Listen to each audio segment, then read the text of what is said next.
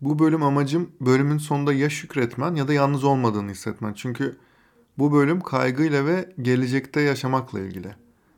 Bölümün çıkış noktası ise son haftalarda yaşadığım panik ataklar. Bu ataklarla nasıl, nasıl başa çıkmaya çalıştım ve kendimi bir vaka gibi masaya yatırmam aslında. Bu arada bu bölüm yapıp yapmamayı çok düşündüm ve şöyle bir noktaya geldim. Bu yaşadıklarımı seninle paylaşmazsam diğer konularla devam etmem anlamsız geldi. Bu yüzden bedava fikrin verdiği en büyük araydı bu 4 hafta ama geri döndüm. Hazırsan başlıyoruz.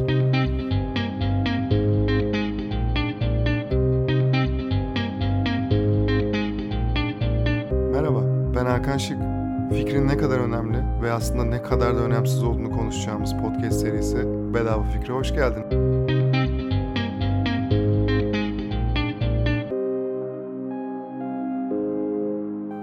Öncelikle böyle karanlık bir bölüm olmayacak. Bunu şimdiden söylemiş olayım. En başta da söylediğim gibi eğer sen de çoğunlukla gelecekte yaşayan biriysen ki bu ne demek? Yani şunu şöyle yaparsam nasıl olur? Şu gün şu var ya şu kötü geçerse ya şöyle olursa ya böyle olursa diyorsan yalnız olmadığını net bir şekilde anlayacağını düşünüyorum. Eğer yani bu tarz kaygıların yoksa da insanların psikoloğa gitme sebeplerinin başında yer alan bu konuyla ilgili daha fazla bilgi edinme fırsatı bulacaksın. Bonusu ise şükretmek olabilir. Önceki bölümleri az çok dinlediysen kafa yapımı biliyorsun zaten. Bu bölümü kaydederken şöyle bir şöyle bir son yıl geçirdim. Bir kere kurumsal hayatı bıraktım. Podcaster oldum. Artık kendime podcaster diyebileceğim bir noktadayım diyebilirim daha doğrusu. Bir NFT ve içerik ajansı kurdum pazarlama ve strateji danışmanlıkları veriyorum, eğitimler veriyorum. Bunları yaparken hepsinden de bana maddi olarak bir kazancım var gibi düşünme bu arada. Yani para her günün konusu mutlaka. Ha bir de bu son bir yılda 7 gün yani haftanın 7 günü çalıştım. Bir günün bile tamamen boş geçmedi ve her yazın aksine tatillere çıkmadım. Şunu da belirtmeliyim. Tamamen isteyerek ve bayıla bayıla çalıştım haftanın 7 günü. Ve eskisine göre çok daha mutluyum. Hala da öyleyim. Ama bir gün hiç tahmin etmediğim bir şey geldi başıma. Bir cumartesi günü öğleden sonra böyle bir başım dönmeye başladı ama böyle vertigo gibi düşün. Yani başka, başka hiçbir tuhaflık yok. Sadece bir baş dönmesi var ama azalmıyor. Yani tansiyonum, nabzım falan da normal. Sonra böyle sırayla göğsümde bir ağrı, ellerimde uyuşma, belden aşağımda titreme falan böyle saçma sapan şeyler olmaya başladı. Ve bu esnada tansiyonum ve nabzım sonrasında ciddi şekilde yükseldi.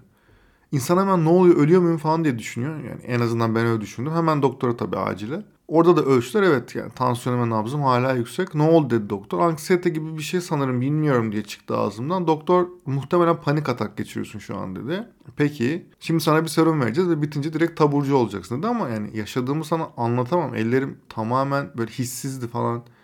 Bunlar anlamıyor diye düşünüyorum falan. Böyle hayatımın en zor herhalde yarım saatlerinden biriydi. İşte antidepresanları verdiler muhtemelen işte serumun içinde falan. Böyle ben pamuk gibi oldum. E dedim peki ne yapacağız? Dediler işte psikiyatriye görünmen lazım. Tamam peki randevu aldım falan. Bu arada randevuyu da 4-5 gün sonra alabiliyorsun. Yani tüm randevular falan da dolu böyle. Psikolog ve psikiyatrlara randevu zor bulunuyor öyle dolular. Tabii o 5 gün içerisinde ben bir kere daha panik atak geçirdim. Hayda yani hayatımda hiç böyle bir şey yaşamamışım. 3 günde 2 panik atak falan. Yani ben kriz anında görebileceğin en soğukkanlı ve mantıklı karar veren insanım falan yani. Hani böyle yıllarca bu durumlarda aranan kişi benim falan ya. Ben nasıl panik atak geçiriyor olabilirim ya düşün düşünsen nasıl bir şok benim için falan. Neyse sonuçta bir psikiyatra gittim ve tüm yaşadıklarımı son bir yılma her şeyi anlattım yani. Bu noktadan sonra her detaya girmeyeceğim ama yani psikiyatr bana iki seçenek sundu. Ya ilaca başlarız ve ilaçla birlikte psikoterapiye geçersin ya da ilaç olmadan sadece psikoterapiyle devam edersin gibi bir iki seçenek sundu. Ya bu arada eğer ilaç almalısın kesinlikle deseydi de alacaktım yani onu söyleyeyim. Seçenek sunduğu için ve ilaçsız biraz daha zor ama daha kısa bir tedaviyle ilerleyebileceğimi söylediği için sadece psikoterapiyle ilerlemeye karar verdim ben ama yani şu anda bunları anlatırken acaba ilaca bir yandan da başlasa mıydım falan da diyorum yani onu da söyleyeyim çünkü gerçekten kolay değil kolay değilmiş yani. Şimdi Nietzsche'den Freud'dan falan konuşmak kolay değil mi bölümlerde bir de başına gelince çocukluğuna falan inerken görsen onları gibi oluyorsun böyle. Yani gerçekten teorik olarak psikanalizi bilmek ve hayatında uygulamaya çalışmak başka bir şey ama kendi çocukluğuna inmek böyle bir destekle vesaire tabii bambaşka bir şey. Bu arada itiraf edeyim daha önce hiç psikoloğa gitmemiştim. Ama keşke gitseymişim diyorum yani ne kadar konforlu bir şeymiş. Hiçbir problemi olmayan veya olmadığını düşünen insanlar bile ki hepimizin var bence ama insanların bile gitmesi gerektiğini düşünüyordum zaten. Ama neden bunu uygulamadım daha önce diye kendime de kızdım kızıyorum yani. Neyse biz işte ikinci seansta falan böyle çocukluğuma indik falan. Ya düşün işte burada anlatır gibi her şeyi açık açık anlatıyorum. Bu arada panik atakta hala geçmedi ve hani gerçekten her gün yokluyor. Başa çıkmak zormuş kabul. Ama bilmek çok büyük bir güç. Yani artık anlıyorum nerelerde olduğunu ve hani artık başa çıkabiliyorum mesela. Çok benzer ataklar yaşasam bile doktorluk hastanelik olmadan falan hallediyorum. Çünkü bir de hani çözüm yolunu görüyorum artık nasıl olacağını ve bu beni rahatlatıyor. Hani hemen belki olmayacak bu çözüm ama en azından onu görüyorum. Şimdi bu bölümde hem bunları sana anlatmak istedim hem de kendi deneyimlerimden sana bazı öneriler yapmak istiyorum. Çünkü panik atak öyle bir şey ki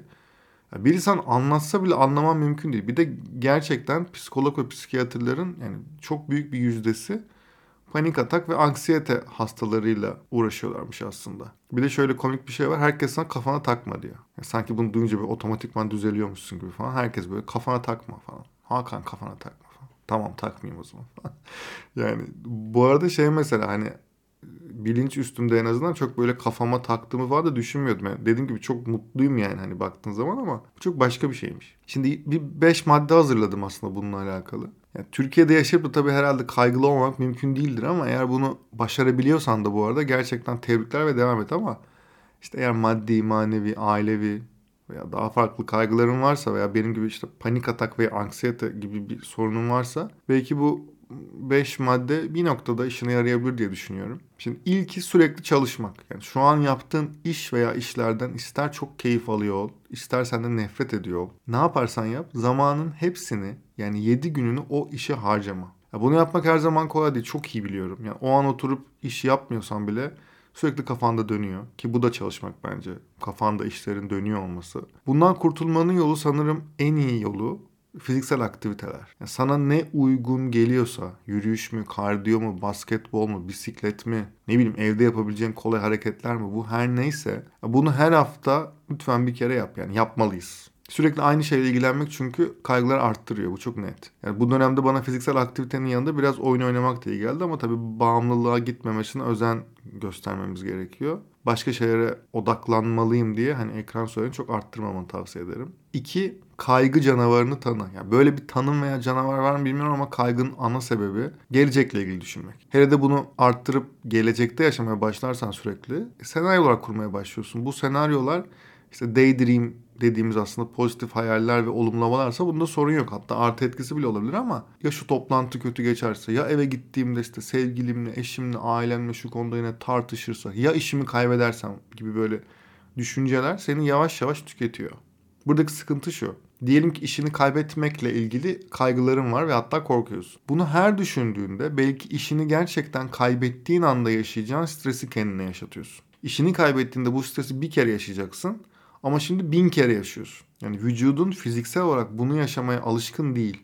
Kaygılı olduğun durumları algılayıp bunların olmaması için kendine plan yapıp o planları uygulamaya başlamalısın. Eğer uygulamıyorsan da belki o kötü gibi gördüğün şeyin gerçekleşmesini istiyor olabilirsin içten içe. Yani hep önceki bölümlerde konuştuğumuz yere geliyorsun. Farkındasın değil mi? Yani kendini tanımak ve ona göre davranmak. 3. En kötü ne olabilir? Bu benim en sevdiğim soru artık. Ya bazen terzi kendi söküğünü dikemiyor. Bu soruyu etrafımdaki o kadar çok kişiye sorup onları yönlendirmişimdir ki şimdiye kadar anlatamam sana ama e, kendime niye yapmadım bu konuda? Yani gerçekten psikologdan yardım alana kadar yapmadım. Yani panik atak konusunda en azından. Psikoloğum sordu en kötü ne ne olur yani panik anında? Ölmeyeceğini biliyorsun bu arada. Hani panik ataktan ölen yok. Bayılırım dedim belki. E, panik atak hadiselerinde de genelde en fazla 3-5 dakikalık bilinç kaybı olabiliyormuş. Yani maksimum yani bayılma anında. E bu beni çok rahatlattı. Yani şimdi kendini düşün. O toplantı, o kredi kartı borcu, o ilişkindeki sorun. En kötü ne olur ki? En kötü ne olabilir? Ya kendimizi en kötünün çok kötü olduğunu o kadar inandırıyoruz ki. Ya bunu yaz lütfen yani kaygılandığın konuyla ilgili olabilecek en kötü durum ne? Bir beyaz kağıt al önüne yaz. Ve bu olursa ne olur? Bundan sonraki aşamada bunu engellemek için ne yapabilirsin bakabilirsin. Ama beni çok rahatlattı. Mutlaka sana tavsiye ediyorum. 4. Önce sen varsın sonra diğerleri. Sevsen de sevmesen de durum bu. Önce kendi istediklerine odaklanmak zorundasın. Bencillik noktasında olmaktan bahsetmiyorum yani hep ben hep ben değil ama önce ben. En azından senin için önemli konularda. Seni çok üzen, çok sinirlendiren konular olabilir bunlar. Kendi sağlığını korumak senin asıl görevin. Eğer çünkü bunu yapamazsan zaten başkasına da faydan yok. Hatta belki de zararın var. Dolayısıyla öncelikle hayır demeyi bilmen, doğru yerlerde hayır demeyi bilmen gerekiyor başkalarının boş boş bunları mı yapıyorsun dediği bazı şeyler de senin ihtiyacın olabilir. Bunları da iyi değerlendir ve kendine zaman ayırmayı bil. Bunlar böyle söyleyince güzel ama yapması her zaman kolay değil. Çok iyi biliyorum. Ama her şey aynı noktaya gelmiyor mu? Bir tane hayatım var işte. Şimdi değilse ne zaman? 5. Klişenin dibi. Negatifleri atın. Ya bu madde var ya gerçekten duvara asmalık yani. Az önce konuştuğumuz şey işte bir tane hayatımız var.